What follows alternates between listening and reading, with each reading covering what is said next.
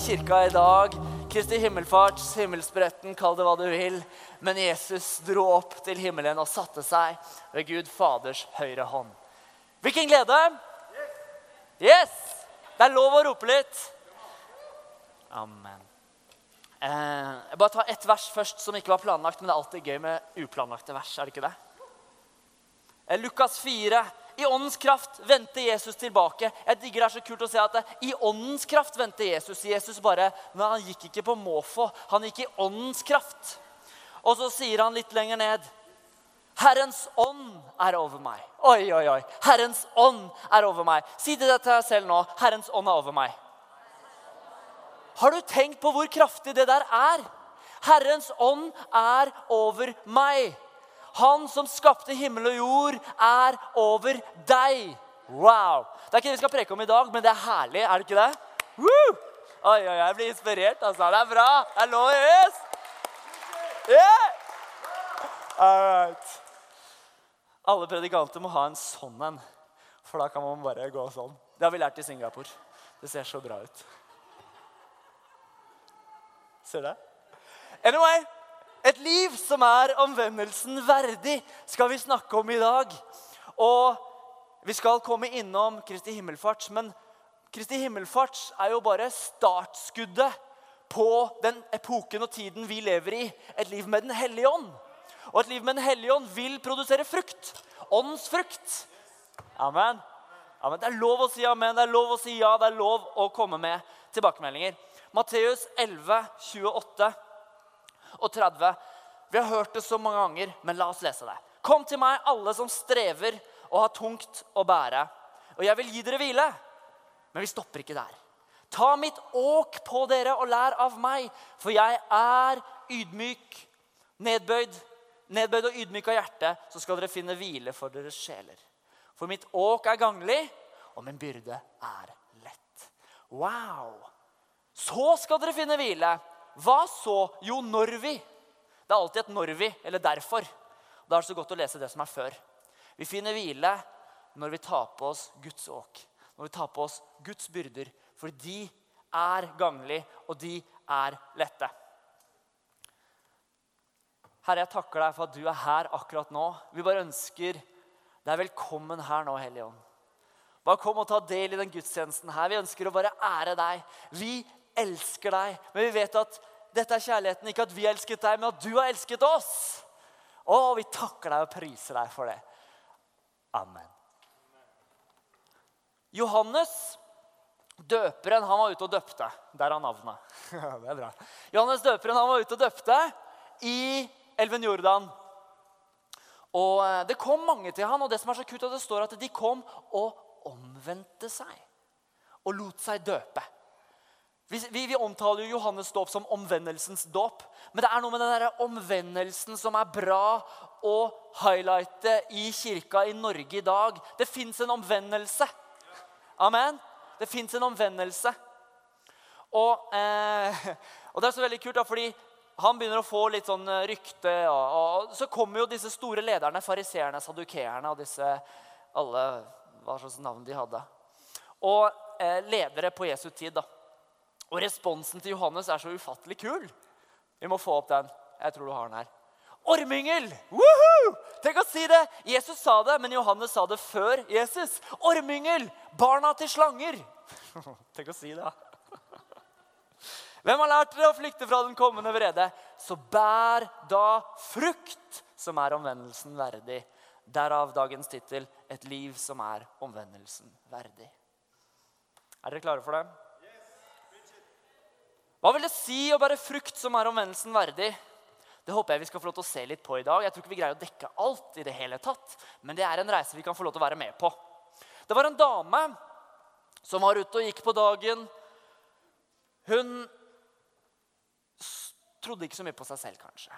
Hun gikk ned og hun hentet vann ved en brønn. Og Der traff hun en mann. Og Dere har kanskje hørt historien om kvinnen ved brønnen som treffer Jesus. Hvorfor var hun ute og gikk midt på dagen og ikke tidligere på dagen?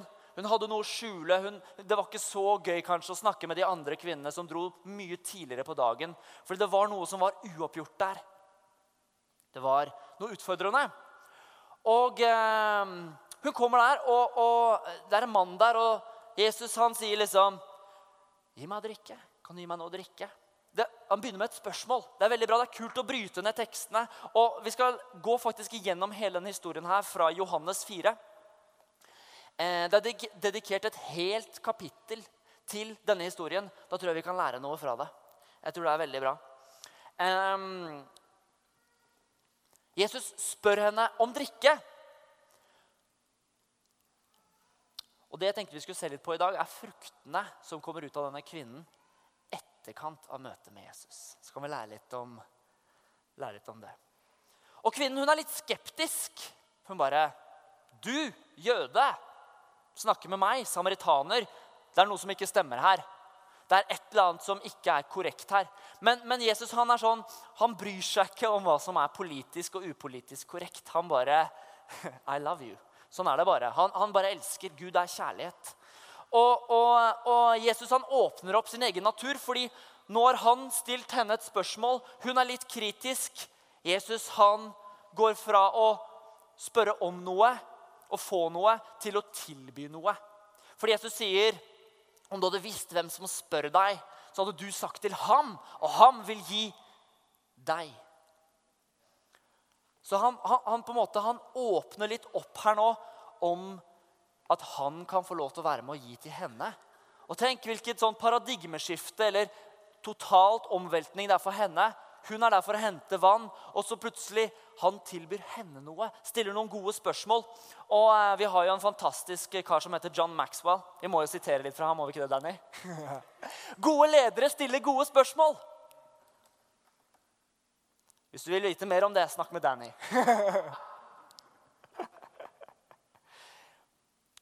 Fordi denne kvinnen hun begynner å bli litt interessert. Oi, du vil gi meg noe? Og Jesus sier, hva er den som drikker av det vannet jeg vil gi? Ham skal aldri evig tørste. men det vannet jeg vil gi ham, blir i ham en kilde med vann som veller fram til evig liv. Og Her tenker jeg vi kan ta fram tre punkter som jeg syns er ufattelig kult. Nummer én Jesus gir sitt vann. Vi kan ha kilder i alt i denne verden her. Vi kan putte vår tillit til penger, vi kan putte vår tillit til jobben, vi kan putte vår tillit til barn, foreldre, omstendigheter, ekteskap, hva enn hus. Men Gud gir av sitt. Han gir av sine forhold, han gir av sine verdier. Og det er ikke det verden Jesus sier, 'Min fred gir jeg dere, ikke den verden gir jeg dere'. Nummer én Jesus gir av sitt vann. Nummer to det er kraftig. Vi ser at det, fra hans indre skal det strømme, det skal velle fram. Det skal være en sånn voldsom strøm. Og Da tror jeg det er viktig at vi ikke ser oss sånn kran som driver og drypper sånn dupp. Det er ikke en vellende kran, det er ikke en vellende, strømmende strøm. Nei, det skal være Det er kraftig.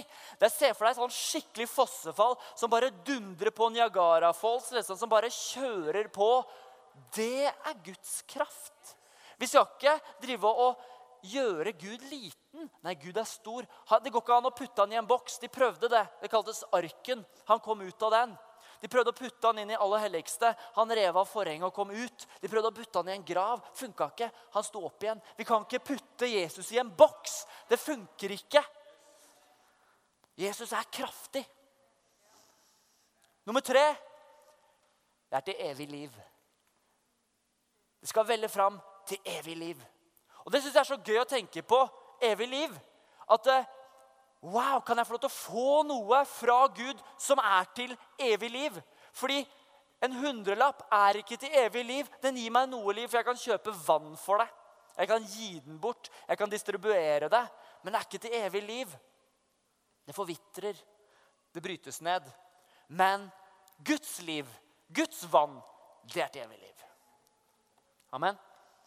Og, og denne kvinnen hun stiller jo spørsmål bare Du har ikke noe å dra opp med, og denne brønnen den her, den har vi fått fra Det er Jakob, liksom. Barnebarnet til Abraham. Er du større enn han? Stiller litt kritiske spørsmål fordi hun begynner å like dette her. Hva, hva er det her for noe, liksom? Og kvinnen hun begynner å bli skikkelig overbevist. Hun vil ha av dette vannet.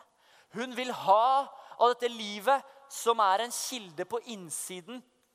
Og nå kan Jesus virkelig begynne å kommunisere sitt budskap. Han sier, 'Gå og rop på mannen din, og kom så hit'.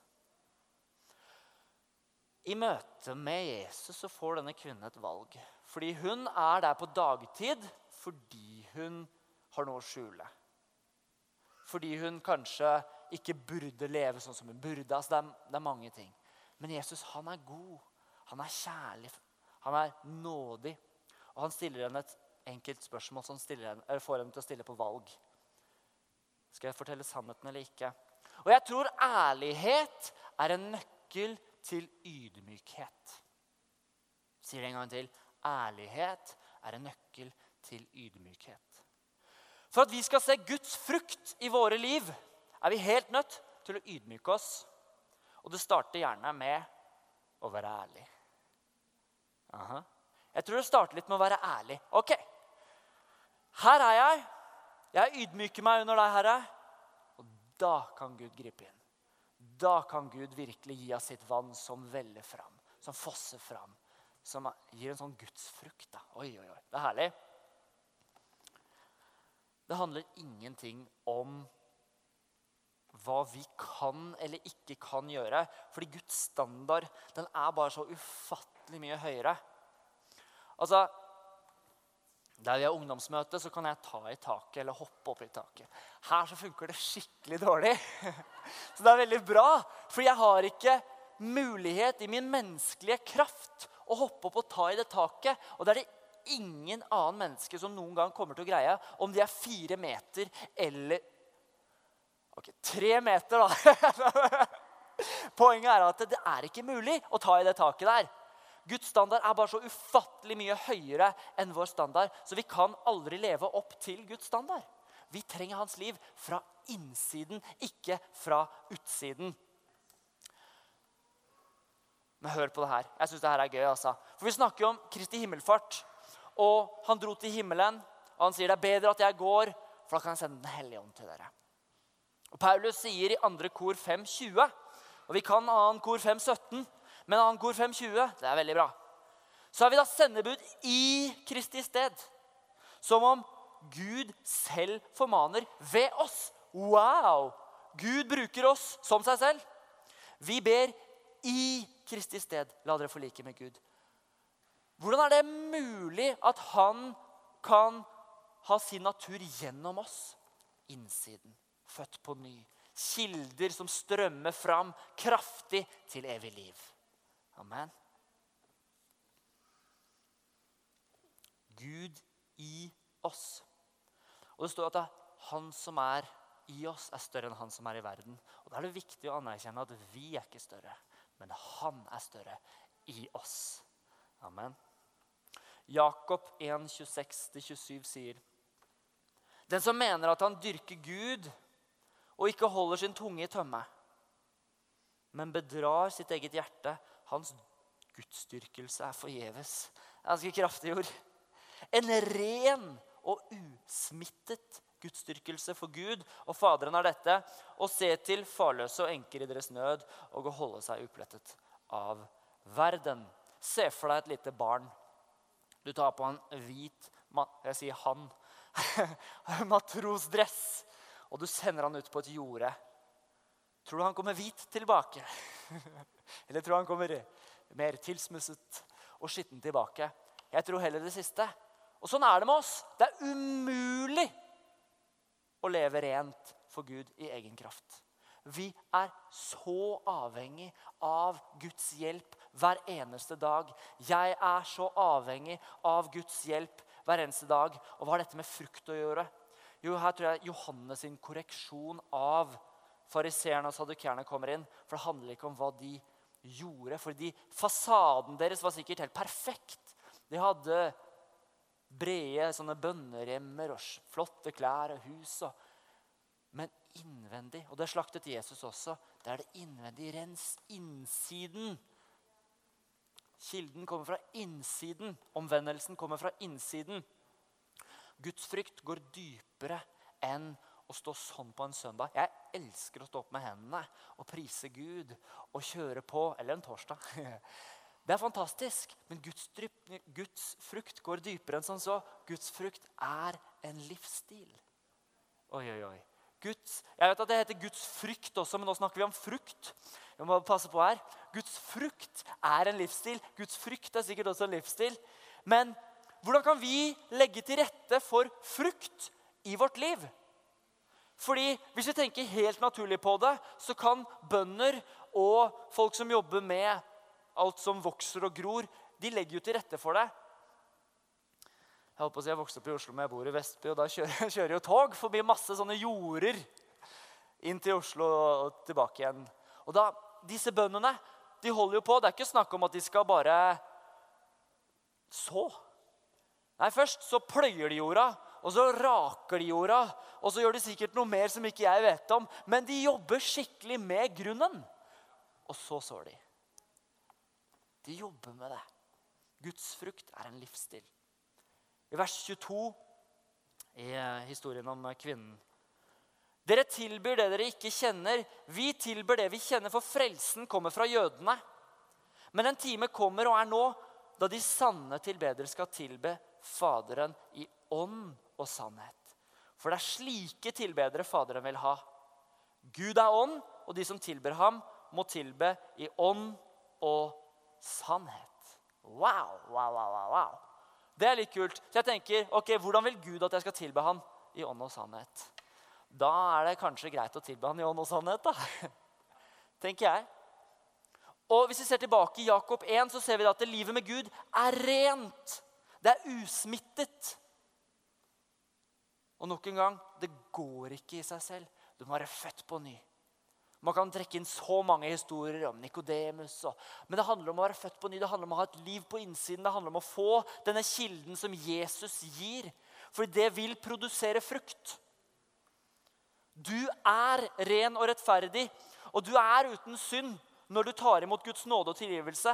Selvfølgelig er det en kontinuerlig prosess å leve i tilgivelsen. Det er ikke sånn at jeg en gang for alle så trenger jeg aldri be om tilgivelse igjen. I Guds øyne så har Jesus tatt på all synd på korset. Det er riktig.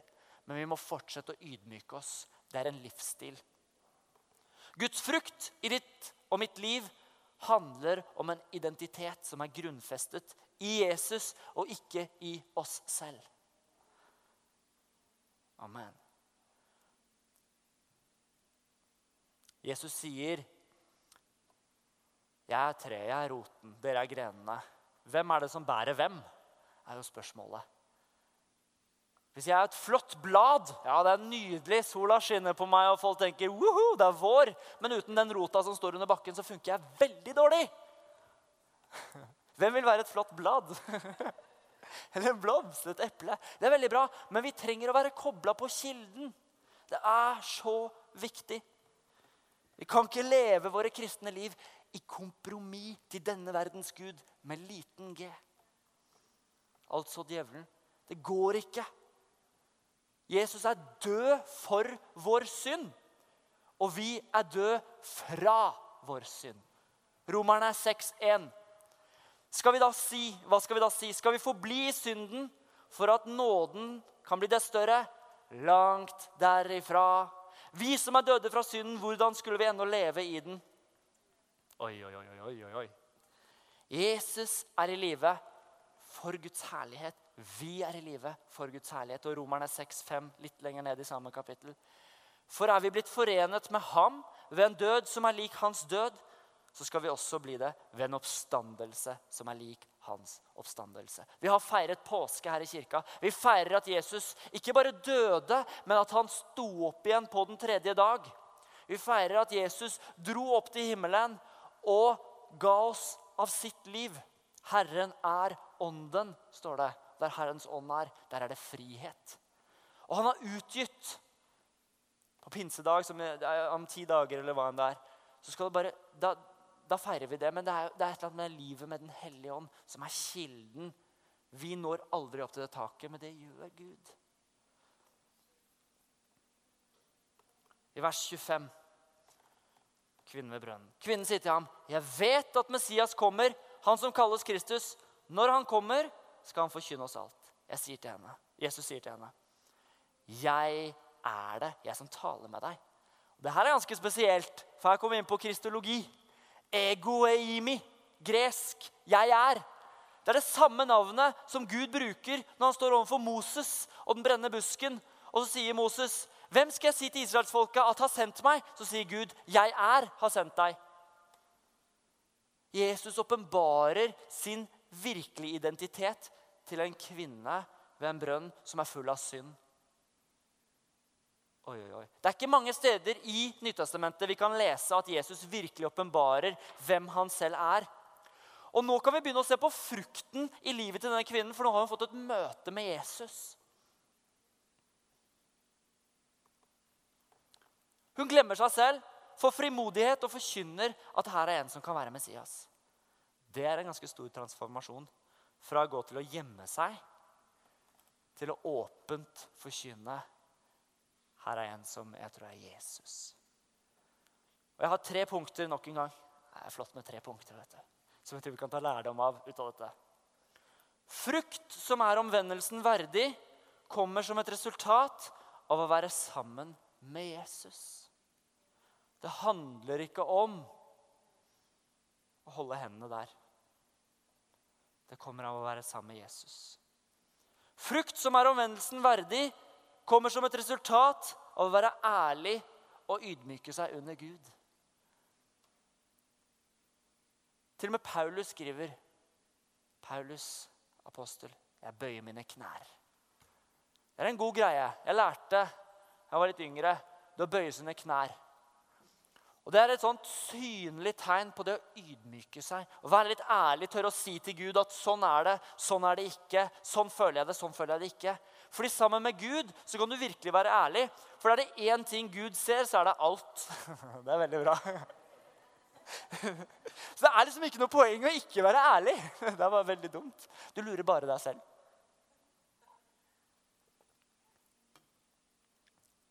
Nummer tre. Frukt som er omvendelsen verdig, kommer som et resultat av å glemme seg selv og gi det videre. Fordi livet med Gud er fantastisk. Det er deilig, det er herlig, det er fredfullt, det er virksomt, det er kraftig. Det er herlig. Men kan vi holde det for oss selv, da? For ingenting har dere fått det, og for ingenting skal dere gi det videre. Vi kan få lov til å gi det videre. Kan få lov til å dele det videre. Og for å være helt ærlig et epletre som er fullt av nydelige epler, er attraktivt.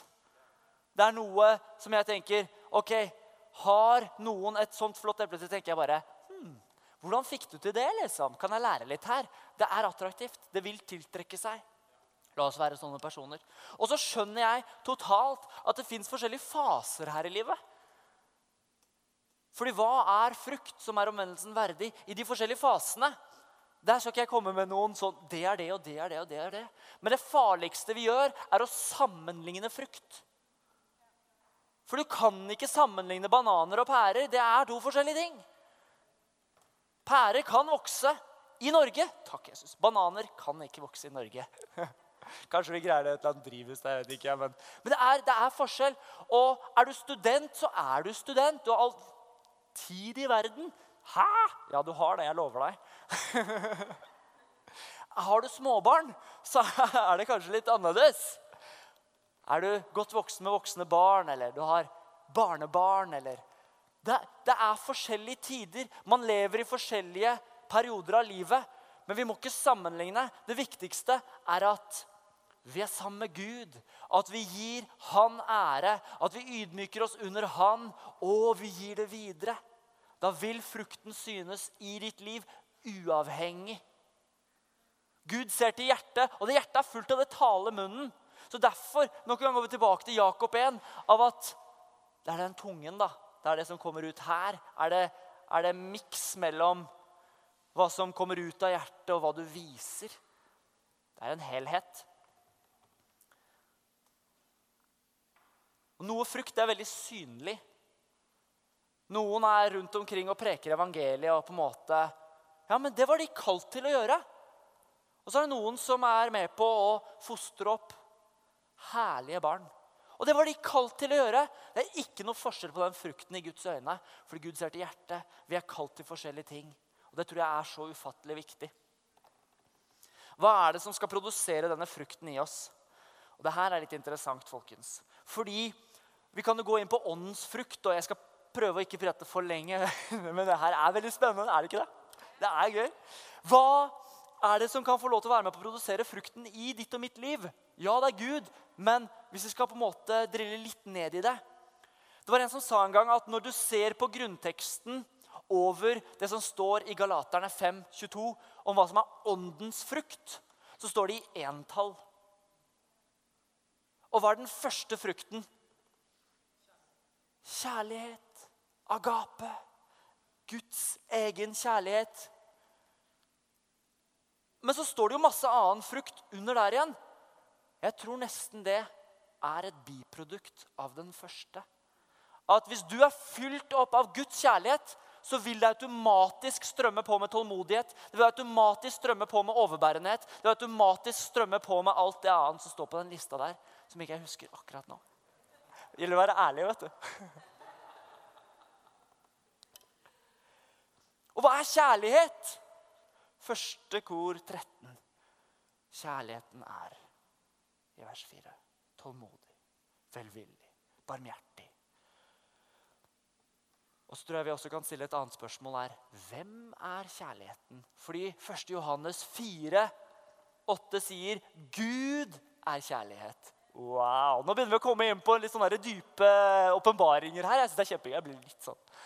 Altså, Gud er kjærlighet. Så hvis kjærligheten produserer åndens frukt, da er det Gud som produserer åndens frukt i meg. da. Aha, Det er nok en gang den der kilden som Jesus snakker om. Hans liv, hans vann.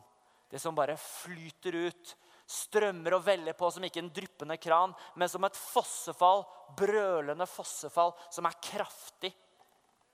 Og jeg tror det er veldig viktig at i hvert fall i Norge i dag, i 2018, så sier vi at begjær og kjærlighet er ikke det samme. Den skal få lov til å henge litt. Begjær og kjærlighet er ikke det samme. Jeg sier ikke at alt begjær er feil, men det er ikke det samme. Kjærlighet kan ikke komme ut av begjær, men begjær kan få lov til å komme ut av kjærlighet. Det riktige begjæret. Begjær etter Gud, begjær etter en ektefelle, begjær etter venner. Det er riktig, men det derre selvopptatte begjæret som bare tenker på seg selv hele tiden Meg, mitt og meg selv og penger og ditt og datt. Det er ikke kjærlighet. For hva står det i første kor 13, 5. Kjærligheten søker ikke sitt eget. Det søker ikke sitt eget. Det er herlig. Det søker ikke sitt eget. Agapekjærligheten er selvoppofrende.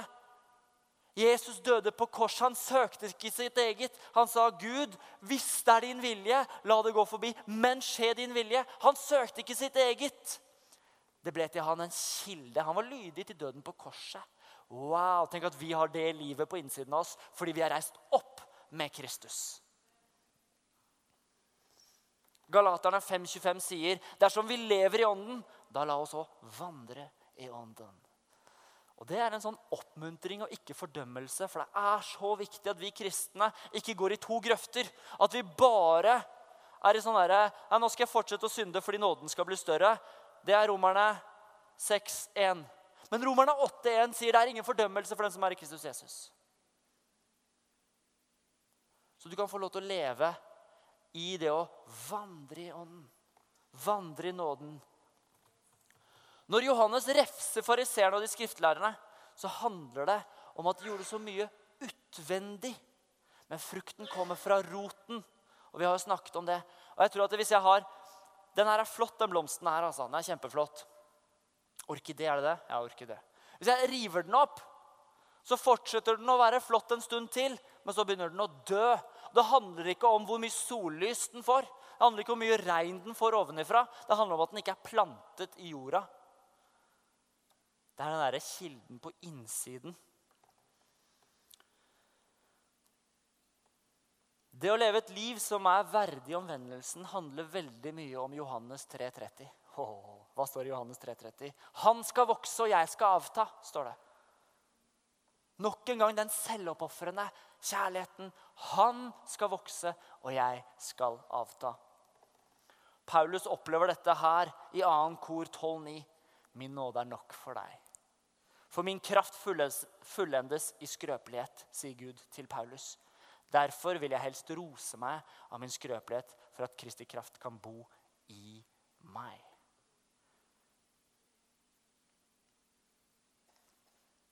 Vi feirer at Jesus han dro opp til himmelen og satte seg ved Guds far høyre hånd, og at han fullførte frelsesverket på Gågata. Han døde for vår skyld og synd, dro til dødsrykket, tok nøklene, men sto opp igjen tredje, eh, på den tredje dag. Og han, han ga noen befalinger før han dro opp på den dagen her vi feirer nå. Og I Apostlenes gjerninger 1,5 så står det Men dere skal bli døpt med Den hellige ånd ikke mange dager heretter.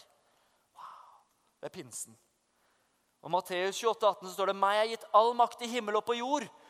Og Derfor tror jeg folkens, at vi kan få lov til å be i navnet Jesus, fordi all makt i himmel og på jord, ikke bare i himmelen, men også og på jord, er gitt til Jesus. Og nok en gang så sier Paulus da, som vi leste i stad, 2. kor 5.20, så er vi da sendebud i Kristi, uh, Kristi sted, som om Gud selv formaner ved oss. Han har deponert sitt liv, han har deponert sin kraft i oss, så det strømmer fram til evig liv. Alt Jesus gjorde, var inspirert og ledet av Den hellige ånd. Har dere tenkt på det noen gang? Alt Jesus gjorde, var inspirert av Den hellige ånd. Jeg tror noen ganger at Den hellige ånd er den mest ignorerte personen på hele den planeten. her. Vi er nødt til å gi han rom i livet vårt. Vi er nødt til å la han få lov til å flyte ut av vårt liv. For det vil produsere hva for noe? Jo, åndens frukt. Ikke kjødets frukt. Vi har et kjød også, men vi er fylt opp av ånden. For når du har tatt imot Jesus, så kan du få lov til å bli fylt med ånden. Du kan også bli døpt i Den hellige ånd. Jeg skal avslutte med dette her. I Johannes 5, 19-20 så står det at sønnen kan ikke gjøre noe av seg selv, men bare det han ser Faderen gjøre. For det han gjør, det gjør sønnen likeså. For Faderen elsker sønnen og viser ham alt det han selv gjør. Dette er herlig, og det minner meg om et vers som står i Romerne 8.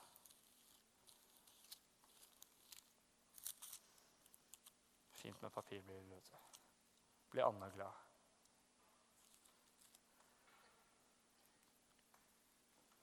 Hva skal vi da si til dette? Er Gud for oss? Hvem er da imot oss?